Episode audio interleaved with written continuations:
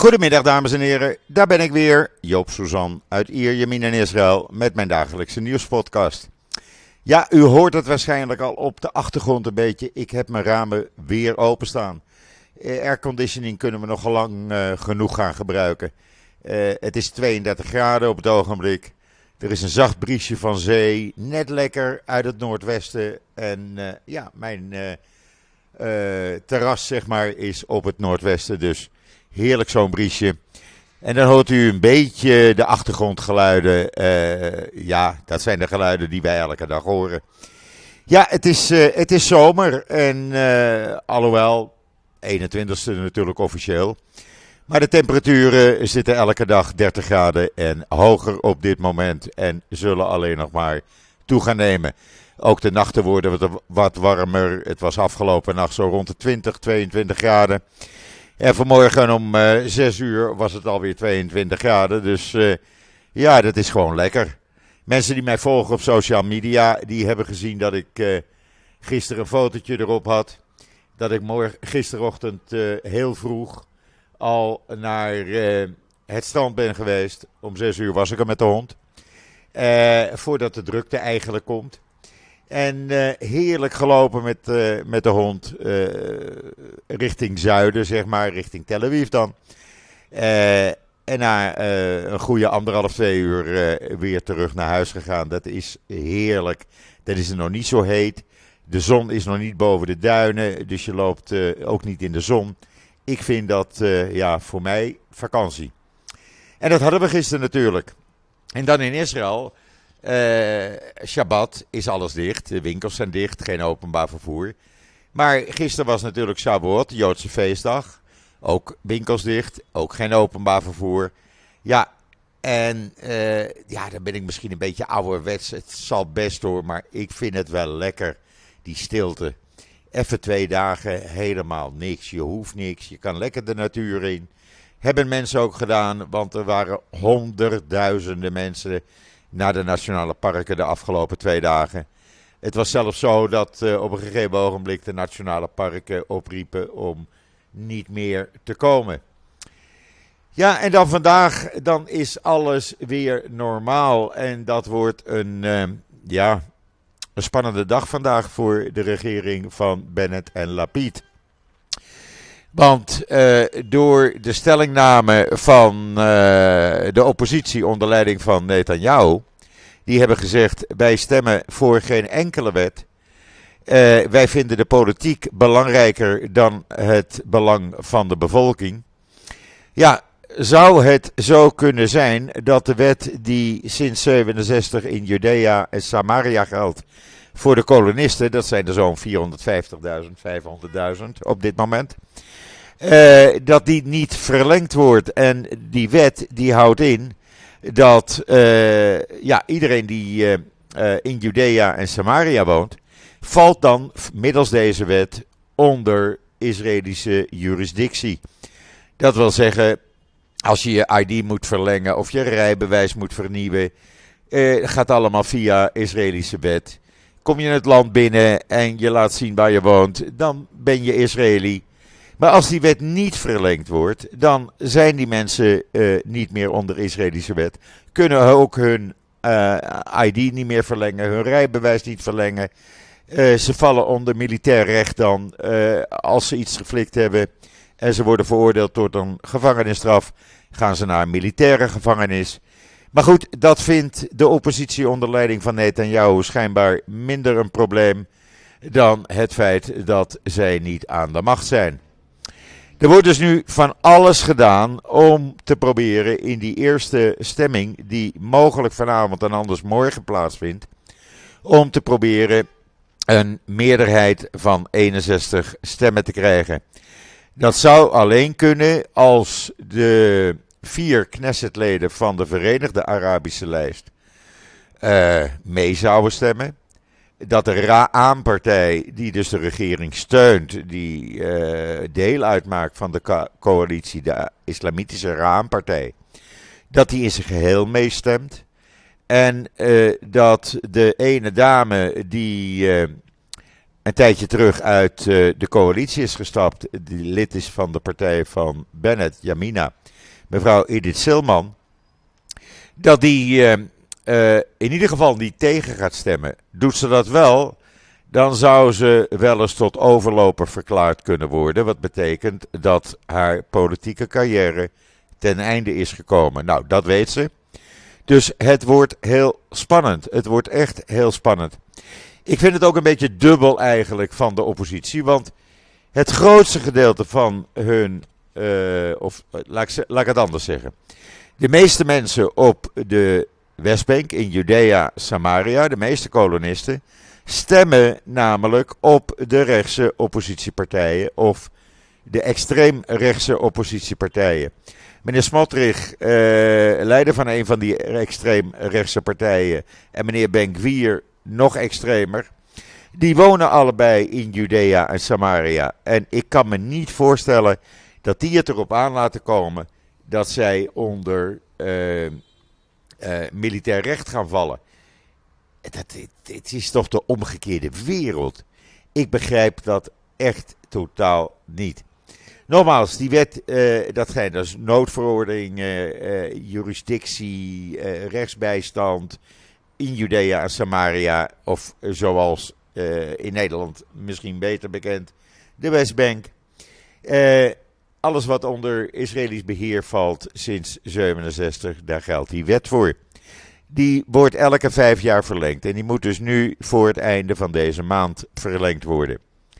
Dan kan je wel zeggen van nou, dan hebben ze nog wel even tijd. Nee, want meneer Gideon Saar van Nieuw Hoop heeft gezegd: luister, als deze wet niet deze week wordt aangenomen, dan stop ik ermee, dan kap ik ermee. Ik vind het genoeg, ik ga niet meer zo door. Dat betekent dat deze regering uit elkaar valt. En dat er dus nieuwe verkiezingen moeten worden gehouden. Nou, dat is iets wat Netanyahu niet wil. Die wil eigenlijk door middel van omkoping, laat ik het zo maar noemen, proberen zoveel mogelijk overlopers uh, naar, naar zich toe te krijgen. Waardoor hij uh, uh, een meerderheid heeft in de Knesset. En dus aan de president kan zeggen: luister, ik heb een meerderheid, ik kan een regering nu vormen. Want verkiezingen blijkt uit elke peiling keer op keer uh, halen niets uit. Er zal geen enkele uh, uh, groep, zeg maar, een, een, meerderheid van 61 Knesset-zetels halen. Ze zullen komen rond de 59, 60 zetels. En dan heb je dus onvoldoende om een regering te vormen. Dus ook Netanyahu weet dat hij ja, niet naar verkiezingen toe moet. Er speelt nog iets waarom Netanyahu zo happig is om weer aan de macht te komen. En dat is helemaal geen geheim, dat is hier algemeen bekend. Wordt ook regelmatig in het nieuws gemeld op televisie. Netanyahu wil van zijn proces af. Hij heeft geen pleidooi-overeenkomst getekend. Maar is men ervan overtuigd, op het moment dat hij weer aan de macht is, dan zal hij eh, zorgen dat er andere rechters in het Hoge Rechtshof komen. Dat er andere rechters eh, benoemd worden die in hoger beroep zijn zaken moeten behandelen. En zal hij aan de president uh, vragen om, ja, nu hij uh, premier is, de strafzaak te mogen stoppen. En dat kan gewoon niet. Op die manier kom je dus onder, onder de wet uit. En ja, dat werkt gewoon zo niet. En ik vind als je uh, buiten de pot hebt gepiest, ja, dan moet je uh, voor de consequenties uh, moet je je verantwoorden. Zo simpel ligt dat. Maar goed, we zullen dus kijken de komende dagen wat het gaat gebeuren. De komende 24 uur zijn eigenlijk het belangrijkste. Gideon Saar noemde vrijdag nog in de krant Haaretz uh, het is een cynisch en onverantwoordelijk besluit van oppositieleider Benjamin Netanyahu en de Likud-partij om zich te onthouden van een stemming over de uitbreiding en de toepassing van de Israëlische wet op haar burgers op de westelijke Jordaan-oever. Uh, ja, wat hij erbij zei, hij zegt Netanyahu heeft niet alleen eh, eh, de Israëlische soevereiniteit, die wil hij niet meer toepassen in Judea en Samaria. Maar hij wil ook ons vermogen aantasten om onze heerschappij over de nederzettingen te handhaven. En ja, uh, het is een beetje een rare situatie. En er is nog een probleem bijgekomen. Gisteravond is een van de sheikhs van de Ra'an-partij, ja, niet mishandeld, maar hij is in de oude stad van Jeruzalem door de politie uh, tot stoppen gedwongen. Hij uh, was namelijk aan het roken toen hij de Tempelberg op wilde gaan. Nou, de politie zei dat mag niet. Hij zei dat mag ik wel, want ik ben sheik. Nee, dat mag je niet. Hij werd tegen een muur gedrukt. Daar is een video van. Raam niet, niet blij en die ging alweer klagen bij Bennett. Ja, op die manier schiet het natuurlijk allemaal niet echt op. Maar goed, ik uh, zeg wel eens vaker: never a dull moment hier in Israël. En dan uh, virtual reality. U kunt het lezen in israelnieuws.nl. Trouwens ook het verhaal over de politiek. Virtual reality kan dodelijke medische fouten helpen voorkomen. Dat uh, is hier door een Israëlische start-up. Uh, ja, die hebben dat onderzocht. Die hebben een systeem, uh, een ondersteunend systeem uitgerold. Op basis van virtual reality. En dat voorkomt dat er dodelijke fouten tijdens operaties worden gemaakt. Hoe het werkt? Nou, u kunt het allemaal lezen op israelnieuws.nl. Want als ik het u ga vertellen, ga vertellen, dan leest u dat niet meer. En dan Telefonica uit Spanje. Die heeft voor het eerst een investering in Israël gedaan. En dat is natuurlijk hartstikke goed. Uh, ze hadden dat nog niet eerder gedaan. En uh, ja, dat ze nu ook Israël eindelijk ontdekt hebben, uh, betekent wel iets voor Israëlische start-ups. Goed nieuws voor Israël dus. Sorry. En de afgelopen nacht, ja, toen uh, zijn er opnieuw 13 terreurverdachten aangehouden door de IDF en veiligheidstroepen. Ook zijn er weer wapens in beslag genomen. Uh, dat doet men al sinds de laatste terreuraanvallen. Toen is men uh, begonnen elke nacht weer in Judea, Samaria, op de Westbank. In allerlei stadjes, dorpjes, plaatsjes. Terreurverdachten, men heeft de lijst. Men weet wie Hamas-lid is en PFLP-lid van de club van meneer Abbas. En die worden nu van hun bed gelicht en men gaat kijken wat deze uh, vaak jonge uh, terroristen in petto hadden. Gisteren zagen uh, spoorzoekers van de IDF en de Israëlische politie voetafdrukken naast het dorpje Al-Ayua in de Jordaanvallei, vlakbij de Jordaanse grens. Ze gingen ze volgen en vonden een tas met 10 pistolen. Uh, die kunnen in ieder geval niet meer voor terreurdoeleinden gebruikt worden. En dan de Israëlische start-up Simply Good die is erin geslaagd om tussen aanhalingstekens gerookte zalm te maken van niets anders dan spirulina. En wat is spirulina? Nou, uh, dat zijn een soort algen. Is rijk aan vitamine A, C, E, K en de B-vitamines B1, B2, B6. Omdat ze een natuurlijke bron van vitamines vormen. Die door ons lichaam heel gemakkelijk worden opgenomen. Het is rijk aan mineralen. Uh, en die hebben we hard nodig natuurlijk. Denk met name aan ijzer, magnesium, calcium. Goed, dit Israëlische bedrijf die maakt daar dus nu gerookte zalm van. Hoe ze dat doen, ja, ook weer op uh, israelnieuws.nl. Uh, ja, ze zijn er niet bang voor om het te doen. Het uh, moederbedrijf is Algaia, Algea Core Technologies dat teelt en oogst uit de zee spirulina. En dat gebruikt men al voor bepaalde voedselproducten. Vooral doet men dat in veganistische hamburgers, kipnuggets, ijslollies, ijskrekkers en dranken. Maar dat er dus nu een soort gerookte zalm voor, van komt. Ja, en de smaak niet van echt te onderscheiden. Toevallig zag ik een paar weken geleden hier naar uh, item over op televisie. Hadden ze een aantal bekende chefkoks uit Israël. Die mochten even geblinddoekt proeven. Nou, ze merkten het verschil echt niet. Dus ja, ben er maar aan. Gerookte zalm van algen. En dan Bas Belder, die had uh, op israelnieuws.nl gezet een artikel over islamitisch antisemitisme. En dat is de drijfveer voor het Arabisch-Israëlische conflict. En daar heeft hij volkomen gelijk aan. Hij heeft dat een beetje uitgekristalliseerd en in begrijpelijke taal, uh, niet eens zo lang uh, artikel op Israël Nieuws gezet. Lees het even, dan ben je weer gewoon op de hoogte. Want we moeten toch op de hoogte blijven van alles. En dan een Israëlische onderzoeker die heeft ontdekt een aantal nieuwe manieren om patiënten met AHDS te behandelen. Dat is het Allen Herndon Dudley syndroom. En dat is uh, een wetenschapper van de Ben Gurion Universiteit uit de Negev in Beersheba. Samen met een aantal internationale collega's. En uh, de studie is al uh, door andere onderzoekers bekeken en gepubliceerd in het peer review tijdschrift Teriot.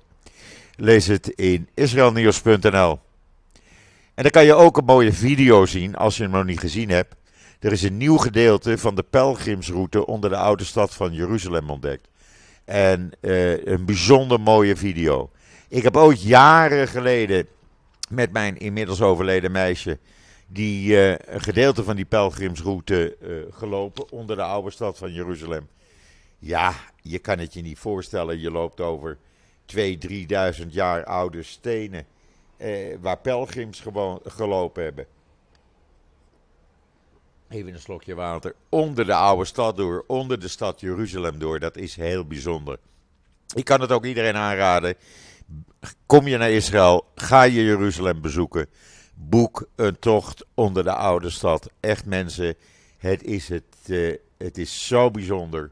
Het is echt, uh, ja, je moet het gedaan hebben, anders heb je Jeruzalem niet bezocht. Ja, en dan lopen de spanningen met uh, Libanon weer een beetje op. Want Israël gaat het gas halen uit het uh, Karis gasveld. En het Karis gasveld ligt 80 kilometer uit de kust. Onder door de internationale gemeenschap erkende internationale wateren van Israël. Alleen zegt Libanon, nee, het is van ons, want het ligt precies op de grens, dus het behoort van ons. Ja, zegt Hezbollah, dat hoort, uh, dat hoort bij, uh, bij Libanon. Uh, nou, dat is natuurlijk niet zo, maar ja, op die manier lopen de spanningen natuurlijk weer op. Het productie- en opslagplatform is nu gearriveerd, dus nu wordt het echt serieus. En het, wordt dus, het gas wordt dus opgepompt en bij Sigon Jakov net onder Haifa aan de kust gebracht en aangesloten. Eh, of van land gebracht en aangesloten op het, uh, de transportpijpleidingen. En uh, ja, uiteindelijk krijgen jullie daar Israël, in Europa over een paar jaar hopelijk ook wat gas van. Maar goed, men gaat in ieder geval met één of twee onderzeeboten, een aantal marineschepen en elektronische apparatuur zorgen dat dat gasplatform beveiligd wordt. De marine de luchtmacht, de landmacht. Men is er druk mee en men zal zorgen dat Libanon hier geen vinger naar uitsteekt. Laten ze maar lekker in hun eigen uh, territoriale, territoriale wateren gaan uh, zoeken, zeg ik dan. Want uh, ja, die hebben daar ook gas. Cyprus heeft het, Israël heeft het, zij hebben het ook, Egypte heeft het. maar ja, als je de moeite niet wil doen en gewoon het gas van Israël dan wil inpikken, ja, sorry, zo werkt het niet. En dan de Russische, uh, Russische ambassadeur in Israël, uh, meneer Viktorov, die heeft gezegd: uh, Nou, geloof het nou maar allemaal niet. Houd je adem nog maar niet in. Want mijn baas, meneer Vladimir Poetin, is niet ziek. Zijn gezondheid is uitstekend. Hij zei dat gisteravond op Channel 13 nieuws. Hij zegt: ik, ik kan u zeggen, hij komt elke dag op televisie. Uh, zijn gezondheid stelt hem in staat belangrijk werk voor het land voor te zetten. Nou, dat is toch wat, mensen. Nou, dan weten we dat. Uh, deze man schijnt uh, ook medisch onderlegd te zijn, denk ik. En dan was er weer het een en ander aan giftige rotzooi gelekt vanuit de Dode Zeewerken. En die hebben weer een aantal beschermende planten gedood. En ja, ik vind dat niet kunnen. Echt niet. Uh, het gebeurt regelmatig. Als je die foto's ziet, het is gewoon om te huilen. En je kan het zien in The Times of Israel. En dan in uh, Straatsburg zijn vier neonazis gearresteerd. Fransen tussen de 45 en 53 jaar oud. En die hadden een plannetje bedacht uh, om tijdens een voetbalwedstrijd in Straatsburg op jodenjacht te gaan. Hoe vind je die? Er zijn ook wapens in beslag genomen. En uh, ja, het was gewoon een neonazische, neonazistische groep eigenlijk. Uh, ze zitten vast, ze moeten voorkomen en hopelijk gaan ze voor lang de gevangenis in. Ze hadden 18 legale en 23 illegale wapens en 120.000 kogels. Zo zie je maar, uh, als je niet oplet, het is levensgevaarlijk. En dan die, de claims uh, dat die Iraanse wetenschapper, ja, hoe die dan plotseling aan zijn eind van de week is gekomen. Nou, het wordt steeds duidelijker. Hij schijnt uitgenodigd te zijn geweest voor een etentje bij een van zijn collega's. En daar is hij vergiftigd. althans, dat zegt uh, de Iraanse oppositie. Of dat zo is, ik weet het niet. Uh, alles is mogelijk. Er zijn er nu al vier de laatste tijd uh, mysterieus omgekomen. En ja, ik weet niet. We moeten maar afwachten op de waarheid. En juist hierdoor zou Israël gaan besluiten om niet alleen voor Turkije, maar ook voor andere landen zoals Thailand maar ook Europese landen binnenkort waarschuwingen aan Israëli's te geven. Ga niet naar die en die landen toe, want Iran heeft jullie op de korrel. En dat zou best eens uh, kunnen, want ja, het geldt voor uh, Turkije, waar gelukkig nu al minder mensen naartoe gaan hoor. Uh, maar het kan dus ook voor, ja, bij wijze van spreken Nederland, België. Je weet het niet, het wordt nu uitgezocht en men is binnenkort zover dat er een advies komt. En dan nog even dit. Volgende week viert het mensenrechtenorgaan van de Verenigde Naties, de Human Rights Watch, haar vijftigste zitting. Die komen voor de vijftigste keer bij elkaar. Elk jaar is dat. Bestaan dus 50 jaar. Hillel Neuer, de man die uh, alles bijhoudt van wat er met de Verenigde Naties aan de hand is. Die uh, heeft een lijstje gemaakt wie de, leider, wie de uh, leden zijn op dit moment. Nou, daar word je niet blij van. Die moeten dus zorgen voor de mensenrechten. Ik ga ze u noemen: Venezuela, Pakistan, China, Libië, Cuba, Qatar, Sudan, Gabon, Oezbekistan en Kazachstan. Ja, dat zijn de landen die gaan binnen de Verenigde Naties over de mensenrechten. Zo zout heb ik ze nog nooit gegeten. Echt niet. Maar goed, het zal wel aan mij liggen, dat ik dat uh, niet snap. Ik snap zoveel niet. Ik snap ook niet dat jongetje van 9 jaar in, in Limburg wat vermoord is. Dat die uh, mogelijke dader, dat die niet langer behandeld is of vastgehouden is geworden. Uh, zo zie je maar, je laat, dan mag hij wel onder jeugdrecht vallen. Toen hij de eerste keer werd gepakt, vier jaar geleden. Maar ja, hij is vrijgelaten en hij doet het weer. En een vermoord een onschuldig kind. Dan vind ik, dan moet je strenger gaan straffen. En langer gaan behandelen en onder toezicht houden. Maar goed, wie ben ik? Ik ben maar een simpele ziel die uh, bij mooi weer s'morgens vroeg op het strand loopt. Goed mensen, dat was het voor nu. Morgen heb ik een podcast met Kobe Ziegler. Want Kobe zei tegen me vanmorgen, ik sprak hem voordat ik de podcast ging opnemen. Hij zegt, luister, we hebben vanavond geen, podcast, geen Twitter Space over Oekraïne. Uh, vanwege uh, Pinksteren. Uh, misschien morgen in, in jouw podcast kan ik het een en ander uitleggen van wat er nu gaande is in Oekraïne. Want er gebeurt van alles. Dus morgenmiddag in de podcast. Kobe Ziegler, Unclex op Twitter.